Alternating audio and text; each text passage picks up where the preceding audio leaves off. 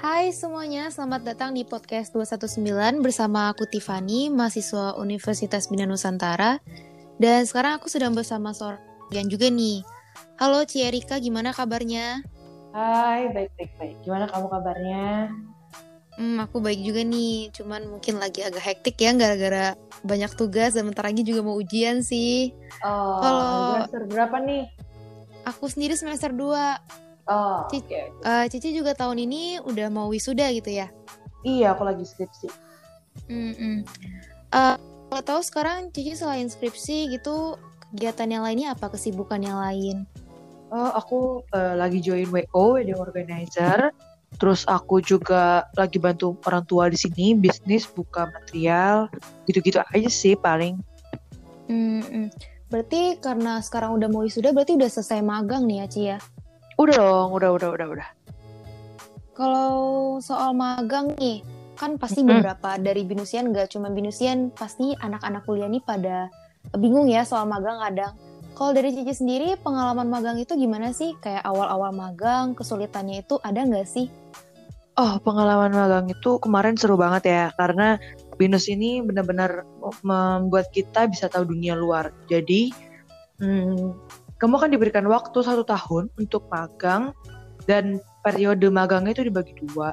Yang pertama, enam bulan pertama itu kamu bisa pilih hotel A, dan periode kedua, enam bulan juga, kamu bisa pilih hotel B atau hotel yang sama.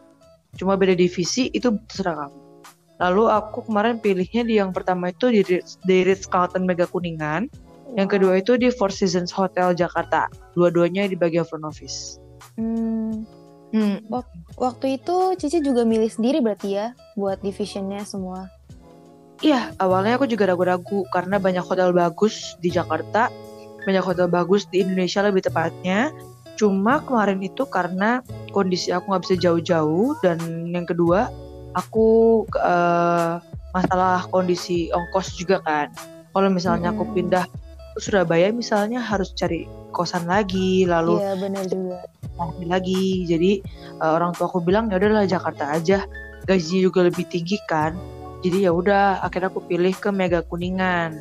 Karena di senior dibilang di sana, di sana tuh terlalu keras. Tapi eh, setelah aku pikir-pikir kenapa nggak coba untuk keluar dari zona nyaman? Ya udah akhirnya aku ambil Ritz-Carlton Mega Kuningan gitu.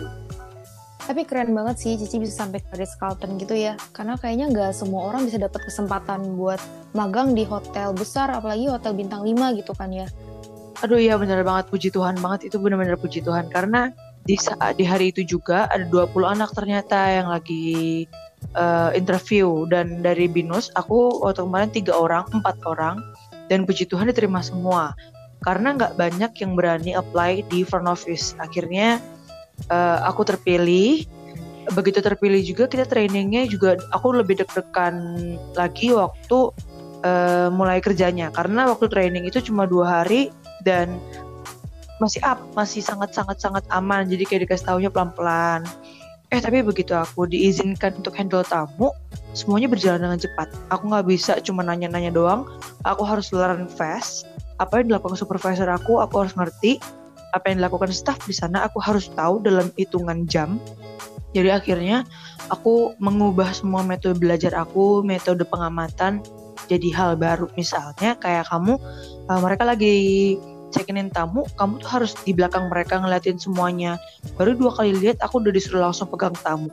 Nah, bedanya hotel bintang 5 sama bintang lainnya adalah aku bukan yang underestimate ya, bukan. Mm-mm. Cuma eh, bintang tamu bintang hotel bintang 3 itu sama hotel bintang 5 beda banget dong pastinya. Kayak kamu bayar eh, nginep 5 juta per malam sama yang 200 ribu pasti beda kan Iya, ekspektasinya. bener-bener Ya. Nah, makanya dari itu aku belajar banyak sih. Maksudnya kalau kamu emang mau memulai karir di dunia perhotelan, nggak ada salahnya untuk langsung lompat ke hotel bintang 5. Kenapa? Karena mereka langsung per personal eh, assistance. Jadi misalnya kayak sampai aku harus tahu apa yang mereka mau ke depannya. Misalnya, begitu mereka baru nyampe, aku sudah langsung tanya breakfastnya mau apa, terus ada alergi atau enggak, besok mau pergi ke mana, ada yang mau dipesenin apa enggak, terus mau pakai baju apa, mau disetrikain apa enggak, besok eh, meetingnya mau di mana. Jadi aku harus tahu banyak hal. Dan menurut aku di front office itu benar-benar belajar yang namanya genuine care. Maksudnya adalah kamu melayani tamu itu dengan tulus, bukan cuma karena kamu mau uang, kamu digaji oleh hotel. Percayalah, gaji di hotel itu nggak seberapa. Maksudnya dengan capek kamu dan gaji hotel yang cuma UMR, menurut aku itu sangat nggak worth it sih. Cuma bukan itu yang aku kejar, tapi pengalamannya dulu. Karena semuanya itu dimulai dari hal kecil.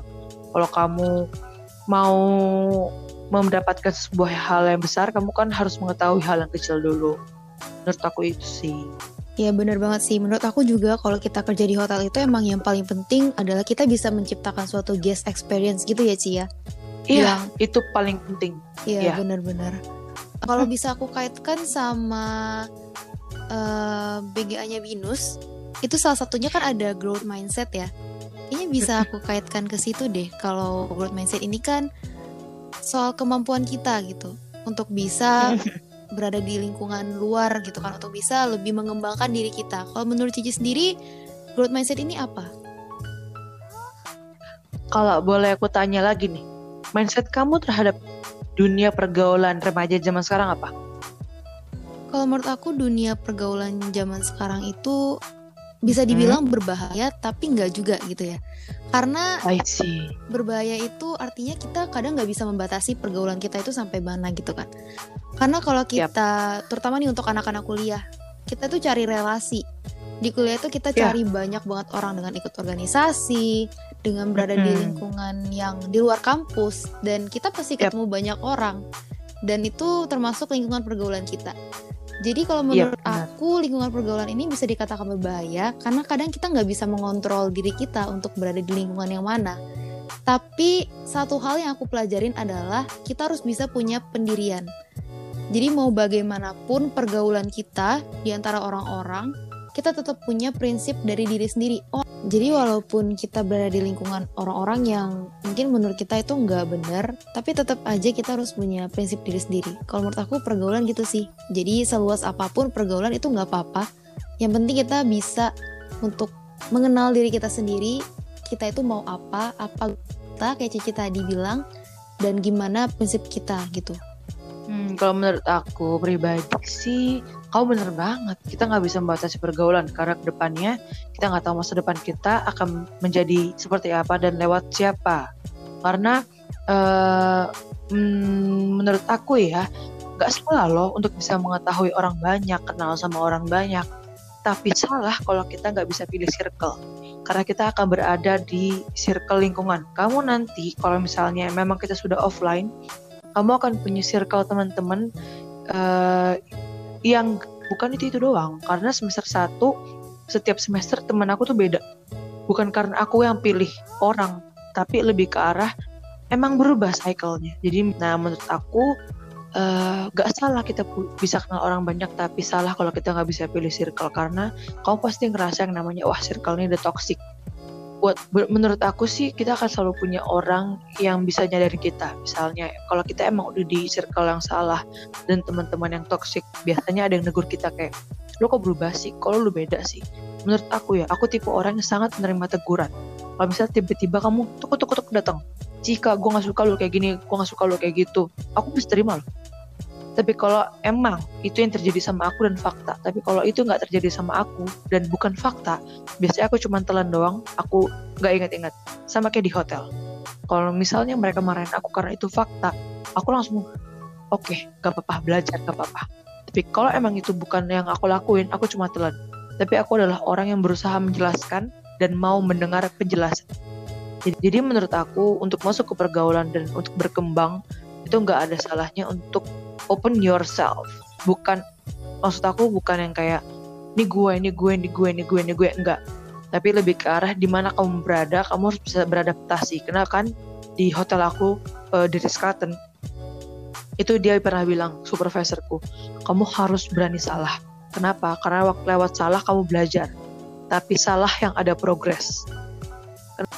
Hmm, Berarti dari yang aku tangkap sekarang ini, growth mindset itu sebenarnya bukan suatu kemampuan atau bukan dari diri kita yang dari lahir gitu kan. Itu ada karena kita berkembang, karena sebuah proses yep. yang kita alami dalam hidup gitu ya Ci ya. Ya benar benar benar. benar. terutama dalam kuliah sih karena kalau di kuliah ini bener-bener karakter kita itu terbentuk sih menurut aku kayak kalau dari Iya. kita SD SMP SMA itu kan kita cuma mengikuti sekolah gitu ya kayak apa yang ada di sekolah ya udah kita ikutin aja gitu kan sedangkan kalau Mm. kuliah ini kita mulai memilih langkah kita ke depannya itu mau gimana gitu ya jadi kita berusaha untuk berkembang mengenal dunia luar dengan open ourselves gitu kan Iya. jadi kalau beberapa dari orang nih ada yang bakal bilang kayak growth mindset ini sebuah fixed mindset loh. Kayak ya udahlah, Mm-mm. gue tuh nggak bisa berkembang, udah gini-gini aja gitu. Kemampuan gue tuh cuma stuck di sini.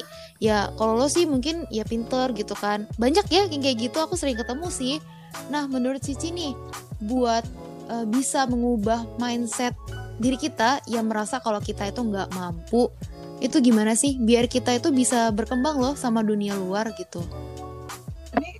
Kalau menurut aku dari pertanyaan kamu sebenarnya udah ada satu eh ungkapan yang kamu mungkin kenal dan kamu mungkin gak asing adalah push yourself to your limit.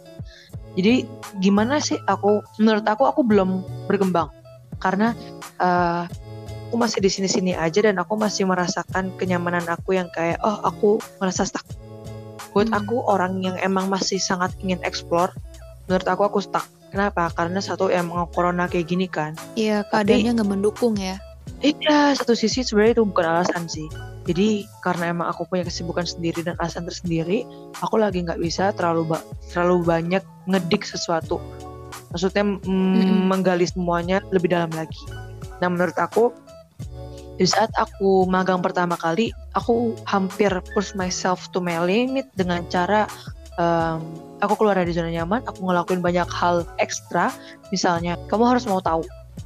Dan di hotel itu kamu harus mau tahu banyak hal. Kamu kepoin semua hal itu wajib. Karena apa? Karena kamu nggak pernah di sana kamu nggak kerja di sana kamu nggak tahu lingkungan sana kamu masih baru dan kamu dipaksa untuk tahu semuanya dalam jangka waktu yang singkat. Nah menurut aku kamu mm, push yourself to the limit otak kamu dan badan kamu juga hati kamu akan secara otomatis mencari jalan keluar. Kayak maze runner kamu akan terus terusan kayak di mana nih jalan keluar? Belok kanan belok kiri. Lurus atau gue harus lari? Apa gue harus eh, jalan aja? Terus gue harus ngeliat dari mana? Nah sama kayak kayak kamu menghadapi masalah. Kamu harus punya yang namanya hmm, adaptasi baru dengan masalah baru. Misalnya kamu diperhadapkan dengan eh, teman-teman dan permasalahan hotel cara kamu mengatasi pasti beda. Mungkin kalau kamu ngadepin teman kamu bisa secara baper-baperan atau kamu tanya orang lain tapi di hotel kamu harus face the truth. Kamu harus face the guest yang walaupun mereka marah. Aku karena gimana ya somehow mereka kalau supervisor aku bilang mereka berhak karena mereka adalah raja. Cuma kalau kamu punya mental yang kayak hmm come on gue juga mahasiswa di sini gue masih belajar gue nggak pantas digituin. Berarti kamu nggak pantas terima next level in your life menurut aku. Karena uh, next level itu berbicara tentang kayak Mario Bros. Dia pasti punya tantangan yang baru musuh yang baru uh, rintangan yang baru. Nah kamu begitu kamu next level kamu akan punya rintangan dan uh, musuh yang baru. Mungkin kemarin musuh kamu cuma ego kamu cuma kemalasan kamu. Tapi ke depannya bisa aja musuh kamu itu temen kamu sendiri. Kenapa? Karena kamu bersaing. Dunia perhotelan itu kamu bersaing. Semakin kamu bisa eh, meningkatkan diri kamu kamu bisa menjadi eh, perlahan bisa terus menerus meningkatkan eh, diri kamu sendiri So yang aku tangkap dari sini adalah untuk kita bisa mengembangkan diri kita, itu yang pertama kita harus bisa keluar dari zona nyaman. Dan yang kedua, Benar. kita juga nggak takut salah dan berani untuk terima teguran. iya benar Dan yang paling penting kita mau untuk memperbaiki diri gitu ya. Iya, yes. Eh, di front office kamu tuh bekerja emang secara di kontrak tuh 9 jam sampai 8 jam. Eh, 8 sampai 9 jam. Tapi nyatanya kamu akan bekerja lebih dari itu, minimal 12 jam menurut Wow. aku. Karena kamu harus bener-bener siapin semuanya dari, dari awal. Udah gitu belum lagi nanti kamu ada briefing, evaluasi. Kalau di front office itu kamu harus input information data. Belum lagi kamu harus hitung cash kalau kamu emang di front office semuanya itu harus kamu buka dan kamu tutup di hari itu juga karena mereka akan audit kan kalau di front office Iya, aku penasaran lagi. Kalau menurut Cici nih, kan sekarang kita semua lagi online ya, termasuk kuliah online. Hmm. Kayak aku dan teman-temanku semua lagi kuliah online gitu kan. Eh, untuk growth mindset sendiri nih, gimana sih cara kita nih kalau lagi online? Ada nggak sih tips dari Cici biar bisa mengembangkan diri juga? Soalnya kan susah nih, kita mau nyari relasi aja sekarang lagi susah kan, ketemu temen aja belum pernah ya. Mungkin baru beberapa yang di Hmm, satu iya, daerah iya, iya. gitu kan. Sedangkan kita itu butuh banget untuk bisa memperluas pergaulan kayak kata kayak pembicaraan kita yang tadi gitu. Eh, menurut Cici gimana tuh? Eh kalau menurut aku sih sekarang adalah belajar sebanyak-banyaknya. Kalau kamu, aduh sorry, kalau kamu eh, li- lihat dan perhatikan, kamu sekarang punya sangat punya banyak waktu. Menurut aku tergantung kamu lagi sih. Kalau aku lagi di posisi yang namanya menikmati masa istirahat aku karena aku yakin ke depannya aku harus lari. Hmm, aku sih nggak punya goals untuk kehidupan dalam hal arti gue harus punya rumah, gue harus punya mobil di umur segini, gue harus nikah di umur segini. No, aku lebih ke arah enjoy my- myself dan give appreciation for myself. Lebih tepatnya aku bakal eh, mencoba untuk terus eh, belajar di waktu yang tepat. Jadi gini, menurut aku tipe orang yang nggak bisa belajar siang. Aku harus belajar malam karena di situ kreativitas dan produktivitas aku meningkat. Hmm. Jadi aku bisa belajar banyak hal dan mempelajari banyak hal di malam hari. Aku begitupun diri aku dalam eh, meningkatkan diri juga eh, menggali banyak hal. Karena saat-saat yang kayak begini tuh tergantung kamunya sih. Kamu akan lebih memperbanyak eh, skill kamu atau memperbanyak eh, rest time kamu. Ke depannya itu eh, kamu menurut aku harus belajar lebih banyak untuk bisa lari setelah COVID nanti.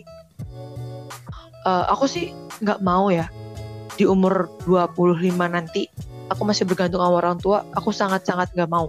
Aku makanya aku bilang aku mau siap-siap untuk berlari. Karena apa? Eh, menurut aku mereka udah deserve kehidupan yang Enjoy. nyaman, ya relax, tapi kita nggak bisa paksain. Jadi aku tipe yang punya goals, tapi di saat aku eh, sudah mendekati dan bahkan waktunya terjadi, tapi belum aku gapai, aku nggak akan putus semangat. Lebih tepatnya gini, kayak aku bilangkan tadi, 25 tahun aku nggak bakal mau eh, orang tua menanggung kehidupan aku. Tapi di saat nanti emang kejadiannya 25 tahun, aku masih ditanggung orang tua dalam beberapa hal, ya aku nggak mau push myself too hard. Aku akan lebih ke arah, oke, berarti gue harus terus-terusan eh, kerja keras sampai eh, goals gue tercapai. Kamu juga harus kayak gitu. Kalau misalnya eh, kamu target nih ujian gini, gue harus dapat 70, gue harus dapat eh, minimal admin atau B plus, gue harus dapat 80 lah. Tapi in fact kamu nggak dapat segitu. Kamu nggak boleh yang kayak, aduh gimana sih, aduh gimana sih, aduh gue kayak harus belajar lebih lagi deh. Jangan kamu eh, bilang kayak gitu ke diri kamu. Yang ada kamu down dan ngerasa semuanya beban. Kamu harus bisa lebih ke arah gini. Oh oke nggak apa-apa. Berarti limit gue dengan cara belajar gue kemarin emang segini. Berarti ke depannya gue harus perbaiki cara belajar gue dan eh, intensitas belajar gue. Ke depannya adalah kamu harus cari solusi, bukan mempermasalahkan problem. Berarti dari kesimpulan pembicaraan kita malam ini nih, yang ku temuin adalah kita itu jadi orang, it's okay for being ambitious pe- person gitu ya, but don't push yourself too hard.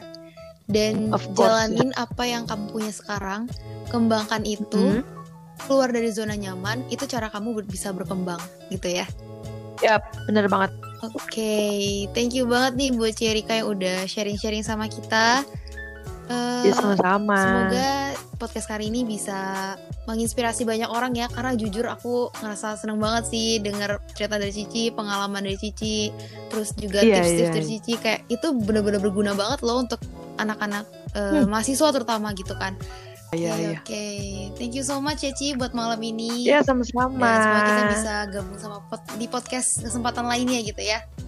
Yes, can wait. Oke, thank you so much.